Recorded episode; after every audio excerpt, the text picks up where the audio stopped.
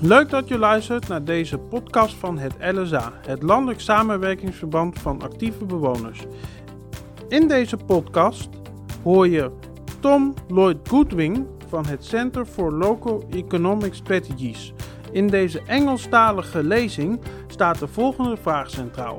Hoe kunnen ankerinstituties zoals gemeentes, woningcorporaties, ziekenhuizen en scholen bijdragen aan opbouw en behoud van lokale welvaart in samenwerking met bewoners en het MKB?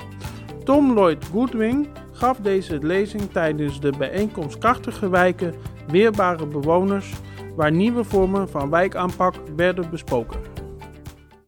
Well, good morning, and yeah, thanks so much to Chris, to Teus, and to the to the LSA for uh, for bringing me here today to come and talk to you about uh, this idea of, of community wealth building. Um, so we had a fantastic workshop yesterday, actually. Um, uh, it was it was it was great. We had representatives from uh, the local municipal council, community groups, and we kind of really started to dig into this idea of what community wealth building means and how we might be able to take the idea uh, and replicate it uh, in, in the context of, of, of the Netherlands. So um, the purpose of today really is, is to kind of, similar to yesterday, is to, is to introduce you to this topic of, of community wealth building.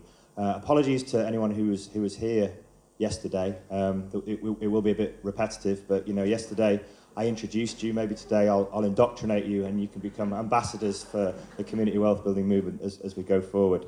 Um, for, for our organisation, uh, CLES, the Centre for Local Economic Strategies, um, community wealth building really is, is this intentional uh, effort to reorganize the local economy for greater social, economic, and environmental well-being. So that's kind of going to be the focus of, of what I talk about today.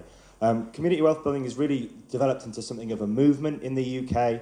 Uh, we've gone from working with just a handful of people uh, three or four years ago to working with over 30 different municipalities in the UK.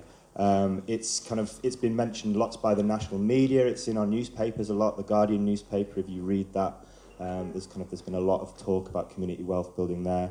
Uh, it's been mentioned in uh, recent political speeches. Jeremy Corbyn mentioned it. Even Boris Johnson mentioned it in his speech, albeit not for the same reasons. Um, so yeah, it's it, it really is a growing movement, and kind of we, we're kind of becoming increasingly inundated with calls and, and, and uh, queries from different localities who want to introduce this approach. So uh, I'm going to take you through uh, the theory uh, around community wealth building today, but I'll talk a lot about practice as well, a lot about how uh, various different municipalities have, are developing strategies uh, to, to take this approach forward. Um, does that all sound okay? Good? Yeah? Excellent. Um, just very quickly, a bit about us, our organisation, before I kind of get into it. So, we are CLES, the Centre for Local Economic Strategies. Uh, we see ourselves as, as the national or even international organisation for local economies. Uh, we're really about progressive economics for people, place, and planet. Our aim is to achieve social, economic, and environmental justice, uh, to build good and effective local economies, and to, to develop excellent public services for everybody, everywhere. Um, we describe ourselves as a think do tank. So, yes, we think about stuff, but we're very much about doing things as well. So, getting out there, working with groups on the ground to, to realize progressive change. So, really, in, in, in a nutshell, our mission is, is to build economies that work for people, for place, and for planet. Um, okay, so I, I want to kind of get started with, with the theory around community wealth building and, and kind of this idea of what it is that, that community wealth building is, is, is, is seeking to address. So, um, really, the, the, the problem is, as we see it at CLES, and you know, many others see it, is that our current economic model is failing. Now, we see it as, as, it, as being self-evident as to why it's failing. There are also a number of statistics that I can throw at you which suggest why our current economic model is failing. Um, to draw on, on our own context, you know, in Manchester where we're based, um, we see skyscrapers going up uh, we kind of building luxury accommodation, uh, kind of huge office blocks. Um, at the same time, we're in the midst of one of the worst homelessness crises that the city has ever seen. Um, there are currently 130, or, sorry, 170,000 people living in destitution uh, in the UK at the moment. So on the one hand, we're building skyscrapers, but we also have rampant inequality within our society. Um, our economy is failing also because wages in the UK haven't risen in real terms since 2007. Uh, we're an economy where 8 million people, including 4 million children, live in poverty, despite at least one person in that family being in work. Uh, we're also an economy where, uh, in, over the last year alone, 1.4 million people have had to access food banks to draw down the supplies that they need to survive. So we see that as unacceptable, and we see it as signs that our current economy or our current economic model is failing. And I know kind of you, you have similar problems with, with homelessness here uh, in the Netherlands as well. So it's kind of it's not just p- particular to the UK. It's happening in, in kind of you know Western liberal democracies uh, kind of all over really. Similar kind of problems. You know since the financial crash, you know the, the, the economic model that we've kind of put our faith in for so many years is, is not delivering for people and not delivering for place. And really, you know, we need to consider an alternative to that. Um, fortunately, you know, we are st- starting to see the kind of the signs of, of a new uh, economic model emerging, a new paradigm, if you will. So, kind of this idea of a paradigm shift. So, the crumbling of the old and the emergence of something new in its place. And really, what's emerging in its place is this idea that actually the economy isn't worth its salt. It isn't, it's not worth anything if it doesn't look after people. So we know that a lot of wealth, a lot of resource is extracted out of our local economies by big corporations, and that wealth and resource often ends up going to, uh, to shareholders.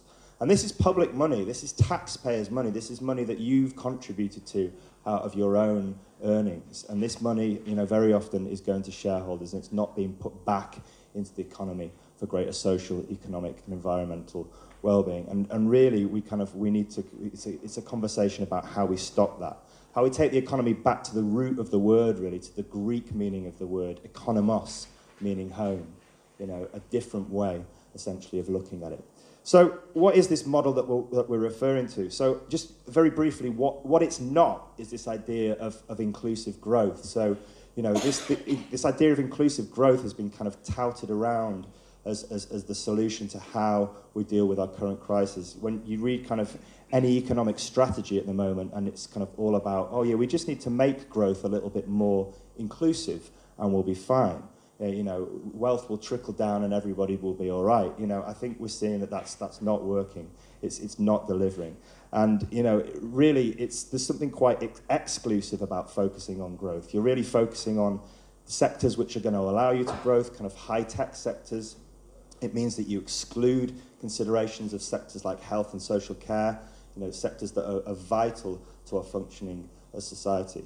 You know, it also excludes certain areas, not all areas, not all geographical areas within our countries can be high growth areas. You know, yes, our cities are, but what about kind of the more rural areas, the towns? You know, we, we, if we focus on growth, really, we leave places behind, uh, and this is unacceptable. So that's why we at CLES like to focus uh, our discussion, or, or, or, kind of we, we see the model that we're trying to build as one of, of an inclusive economy. So a much more holistic view of what the economy is about. So an economy that, that really is about including everybody in it. An economy that's focused on social goals, environmental sustainability, and prosperity for everybody. So just to kind of just to explain the difference between these these, these two ways of, of seeing the world, the inclusive growth way of seeing the world and the inclusive economy way of seeing the world, there's a few statements here that, that kind of start to bring that to life. So we've got the inclusive growth model, which would say that our economic model as it is, neoliberalism, is fine, but we just need to try and connect more people to growth. Um, from an inclusive economy point of view, we would say actually our economic model as it is is fundamentally flawed it's creating unacceptable inequality, the kind of inequality that I illustrated in those first few slides. And really, we should be using our economy to serve more social goals. Um, inclusive growth would say that marketization and private values can sit within and alongside the public sector to advance inclusion. Um, in the UK, at least, we're seeing that this, you know, we, we, we have very good reason to call this kind of account into question. You know, we see that marketization has actually eroded our public services. You know, the outsourcing of our services to big multinationals or big national organizations with shareholders has resulted in those services failing. You know, those the, the big contractors are kind of uh, uh, are pulling out of markets when they can't make enough profit. Uh, they're not being run in, in run properly, and, and some of those contractors are going bankrupt, uh, leaving the services very vulnerable, leaving people vulnerable, and leaving the local market very vulnerable as well. So really what we're calling for, or what inclusive economy is calling for, is this restoration of public values within the public sector market. And this is kind of a greater route to inclusion. Uh, and finally, inclusive growth would say that um, you know, extraction of wealth is inevitable, but we just need to try and slow it down a little bit. Whereas an inclusive economy would say, actually, extracted wealth needs to be fundamentally curbed and made more, much more locally generative. So this idea of actually, you know, rather than just accepting that wealth is going to be extracted out of our economies and end up in shareholders' pockets, it's really this deliberate attempt to say, no, hang on a minute, we're going to stop that. We're going to try and retain as much wealth within our local economy as we possibly can. Right, so I suppose now it's kind of like, well, how do we go about building this idea of an inclusive economy? So the theory that we've kind of developed at, at CLES at least is, is this idea that actually, in order to do that, in order to build this inclusive economy, what we need to start with doing is to harness the power of the local state, of big local anchor institutions. So institutions that are very much rooted in, the, in, in a local place, rooted in a local economy. They're not going anywhere. Uh, and they're organizations that can, through their everyday practices around how they spend their money, how they employ people, how they use their financial power, the assets that they have, you know, land, property, and assets that big anchor institutions own, uh, how all of these things can be used for greater social, economic, and environmental benefit. Now, this is in the kind of organizations that we're referring to are, of course, local government, local councils, uh, universities, hospitals, uh, police, fire and rescue as well. You would, you would include certain kinds of regional government, uh, colleges, also certain kinds of big uh, corporations as well, who, who perhaps, you know, older industries that are kind of, that again are very much rooted and very much part uh, of, of the local community and the local economy. And really the idea is that, is that by using these kind of everyday practices around, say, spend and employment, uh, and finance, you know, they, they start to, they, they're able to impact on what we call the social determinants of health. So, you know, by using these things in a positive way, they can make the population healthier. Um, and really, it's about this, I suppose it's about seeing these, these institutions as assets and seeing them as, as really as, as institutions that can, that can curb and stop the extraction of wealth from our society. So this is where community wealth building comes in. So community wealth building then is really it's a set of principles about how anchor institutions can go about stopping the extraction of wealth and actually start building more inclusive local economies. So there are five principles that we see as, at CLES as, as kind of as, as enabling anchor institutions to do that. So um, what I'll do, so the, the first is, is plural ownership, the second is how they use their financial power, uh, the third is around how they can use their employment practices, uh, the fourth is around how they can use uh, purchasing strategies. And the fifth is around how they can use their land and assets uh, to develop this idea of a more inclusive economy. So what I want to do is I'll, I'll go through each of those in detail and, and, and kind of explain uh, how uh, various organizations, various anchor institutions uh, that we've worked with are, are starting to do this. So the first, then, this idea of, of, of a more plural and democratic ownership, uh, kind of more plural, plural and democratic economy, it's really this idea that um, within, within our local economies, there are too many large corporations that extract wealth and profit out of, of, of local areas and give that over to shareholders. So really, the, the attempt is, is one to try and enable more cooperatives, more community businesses, more social enterprise, more small, medium-sized enterprises, organizations that are less concerned with profit uh, and are more concerned with, with kind of social, economic, and environmental benefit. So there's a number of ways then in which the, kind of the local state can, can, can play a role, I suppose, in, in, in growing a more plural uh, uh, economy.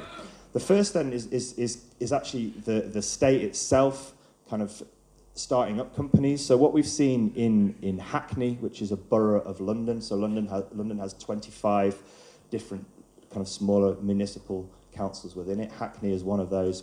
And what Hackney have done is they've actually um, set up uh, a light and power company. They, so, so a kind of an energy company uh, that's being run not for profit uh, and is being used to uh, supply um, heat and power to local residents at a more equitable price You know, we've had huge problems in the UK since the 1980s when we, when we uh, privatized power and energy. You know, it's becoming unaffordable for some people. Um, so what Hackney have done is they've set up their own company that's not for profit and it's being used to supply energy and power to local residents at a more affordable rate and also in a way that's kind of paying heed to the fact that we're in, in climate emergency at the moment. So as far as possible, it's trying to use sustainable methods of, of, of, of power. Um, the second uh, kind of uh, bullet point here really is around what the local state can start to do to stimulate these various other alternative forms of ownership, so you know co-ops and community enterprise and community business, you know organisations that are kind of much more socially, economically, and environmentally beneficial. So what's happening in, in, in another London borough, Islington, is that they've they've bought up a building. You know rents are very high in Islington. It's very difficult for local small businesses to rent a space in order to kind of to, to, to work there. So what Islington Council have done is they've bought a building, a big building, uh, and then they're, they're, they're, they're kind of letting that building out. They're letting the small co-ops come in and use that space to, to, to kind of to do their business and, and then to kind of to help and stimulate other co-ops uh, to, to be set up in that area. And they're, they're charging a very, a pep, what we call a peppercorn rent, so a very low rent to those cooperatives to enable and give space to those other kinds of businesses to come in and to flourish in London, which would otherwise uh, be very difficult. Um, in Colne Valley, which is an area in, in the north of England, a rural area, uh, we've seen the establishment of a co-op that's responsible for delivering social care, so care for, for, for people who require support, the elderly, people with learning disabilities. So kind of a local councillor and a, and a group of local residents have come together and they've set up uh, a local co-op and then that co-op is now working with the council. The council are commissioning that co-op to develop certain elements of, of care uh, or deliver certain elements of care within the, the local economy. Um, the third point, this, this idea of conversion of, of, of local businesses to worker co-ops. Um, we're currently doing some work in Scotland, in North Ayrshire, which is again another municipality in Scotland. And what we're seeing there is that there's a lot of family-run businesses, a lot of enterprise that kind of, you know, is being run by families, which is a good thing. But actually, the, the owners of those businesses uh, are, are, getting to retirement age uh, and getting to the point where they're saying, well, you know, it's probably time to sell the, the business on now. And obviously what can happen is that those businesses can be sold on to bigger corporations, you know, for, for owner, owners who are then going to try and extract profit out of it. And actually there's, you know, if, if it's handled in the right way, there's, there's an opportunity here to avoid that. So what we're doing is we're, we're, we're working with the council there and working with the business development team in the council, encouraging them to kind of to work with, with, with the workers within these different family businesses and look at how those businesses can be converted into, into, into worker co-ops to again avoid the extraction of wealth uh, from uh, that particular municipality. And then finally is this idea of, of insourcing. So, you know, we've had a lot of outsourcing in, in, in our public sector since the 1980s. And what lots of municipalities are now starting to do is thinking, well, actually, you know, outsourcing's failed. It's not actually, it's not even delivering a, a, a better price. We can, we can get a better price if we insource it, and we can also in, ensure that actually, you know, the quality uh, is much better, and we're delivering a much better service uh, for people uh, and place. So that's this kind of idea of plural and democratic ownership. Um, the second is, is how the, the local state can harness financial power uh, to, to kind of to, to benefit the locality. So what we're seeing in the UK is, is the, um, the development of, of community banking. Um, so we've had a huge problem in the UK of, of, of local banks disappearing from the high street, which means it's difficult for small enterprise to start to get the finance that they need uh, to kind of to, to fund their organisations. So we've seen the growth of community banking movements, um, so banking movements that are set up at the local level. Um, we're seeing municipalities use uh, their pension funds in the UK to invest in, in local uh, social projects. So um, again, Islington Council in London and Preston uh, in the northwest of England are using their, their, their pension funds to actually invest in, in social housing in the local area. Um, we're seeing many councils in the UK invest in local credit unions. So credit unions are organisations that provide uh, small loans to, to community groups um, and, and kind of small local enterprises. We're seeing um, councils putting money into these credit, unions so that there's more money available to provide loans. Uh, we're also seeing them uh, kind of, I suppose, just pro providing um, what I'm trying to think of, of, of just getting this in as clear a way as possible. Um, kind of underwriting uh, the, the kind of the, the loans that are provided as well. So being a financial guarantor to these credit unions. So you know, supporting them in, in what they need. And we're also seeing the, the kind of the, uh, the, the arrival of, of, of alternative currencies being used in, in, in sectors like health and care in the UK. So um, people who volunteer getting a credit that they can then spend uh, in the community. And of course, kind of ish, um, initiatives like crowdfunding as well for, for, for social and economic good. Um, we're seeing kind of more socially productive use of land in the UK. So Newham is, is, is a council in, in, in London again. Um, they're kind of investing in social housing at the moment. There's been a trend, you know, again since the 80s to, to not invest in social housing, but actually, again, we're seeing uh, councils thinking actually we have a responsibility uh, to develop social housing. So we're gonna, you know, we're gonna bite the bullet. We're gonna take out a loan and we're gonna build uh, affordable housing and social housing. Um, we're also seeing uh, in areas like Sunderland, um, the council again setting up its own company to, to develop the local area. So in previous times, you know, a private developer might come in and develop, redevelop the city centre. Sunderland have set up their own company to do that to ensure that development within the city centre is done in a socially and environmentally and economically productive way. Um, anchor institutions often have a lot of land.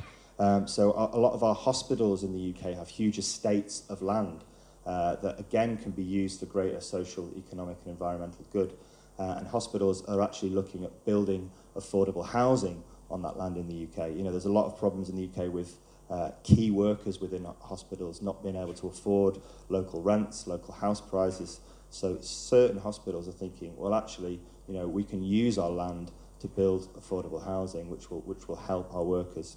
Um, they're also using their estates in, in, in other innovative ways. So, um, uh, University Hospital in, in, in Birmingham is, has set up a, a farmer's market on its land, so it's encouraging local enterprise, so it's kind of dedicating space on its land to, to allow that farmer's market to happen once a week, and that's solely aimed at small local enterprises. Um, the hospital has lots of uh, conferencing facilities, which it, it gives out free to the local community, so it lets community groups come in and use those facilities for free. Um, it's even thinking about setting up a, a community cinema, using some of its conferencing rooms there. So again, kind of this, this kind of socially, uh, economically and environmentally uh, conscious way of using the assets uh, that, that it has. Um, we're also seeing in, in areas like Islington in, in London um, the attempt to challenge developers who try to get out of, of, of their requirement to build affordable housing. Um, you, you, there's, there's normally requirements within planning contracts to, when developers come into to, which says that they have to build affordable housing.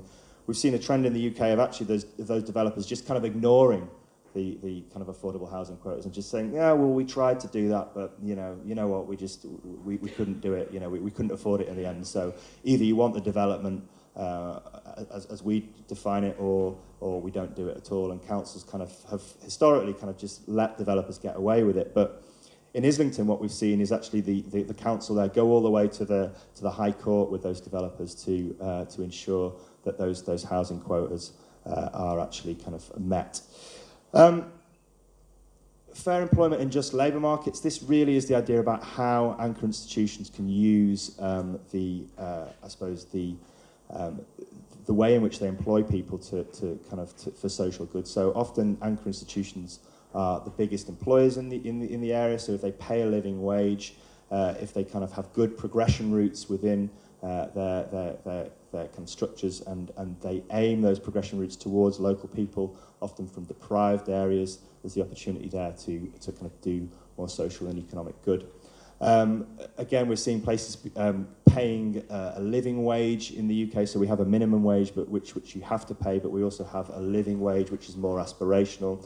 So anchor institutions thinking, well, actually, you know, what we can do is, is or what we should be doing is, is, is aspiring to, to pay more of a living wage uh, and we're seeing a growth of that as well.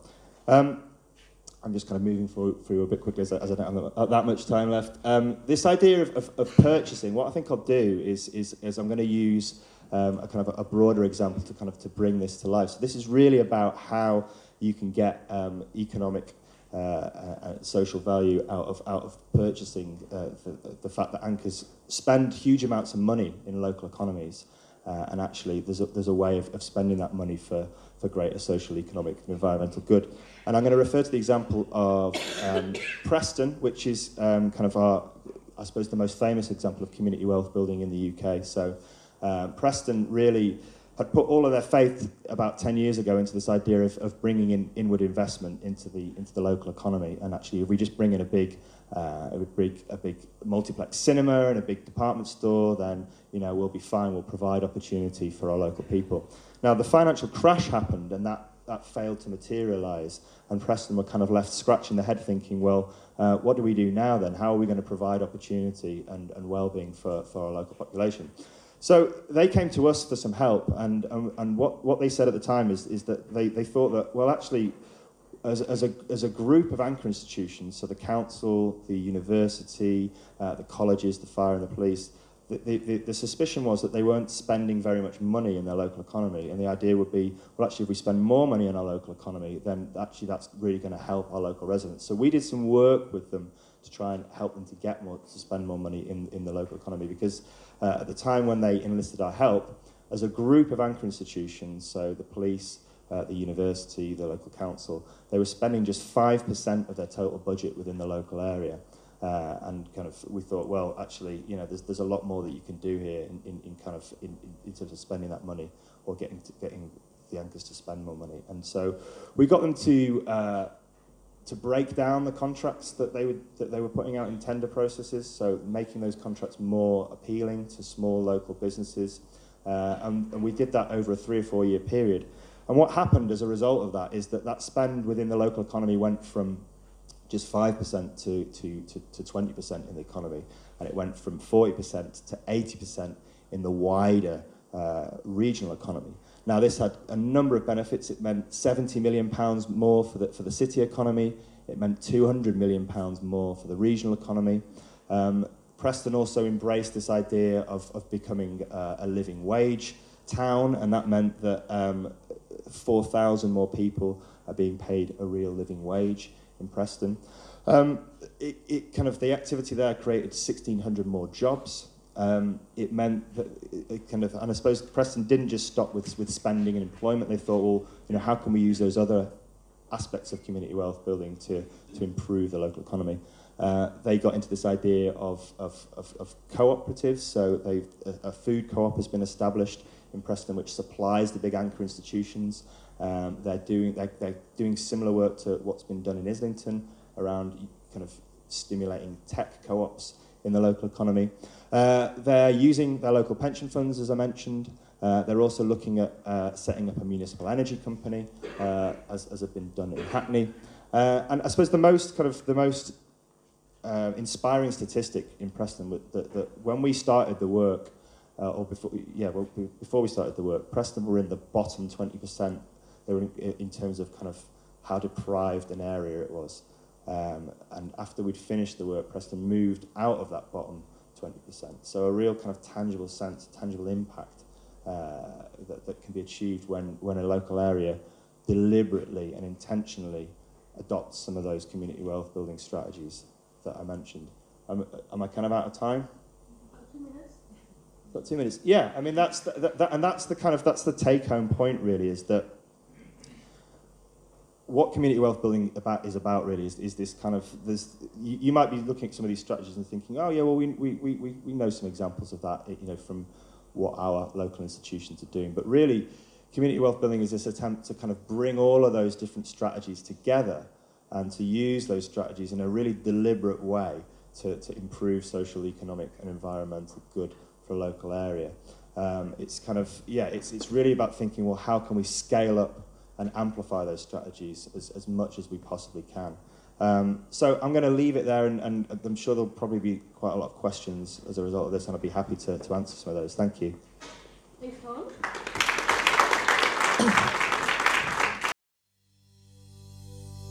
Op de hoogte blijven van het LSA en haar activiteiten? Abonneer je op onze nieuwsbrief via www.lsabewoners.nl nieuwsbrief of volg ons op Facebook en Twitter. Tot de volgende aflevering.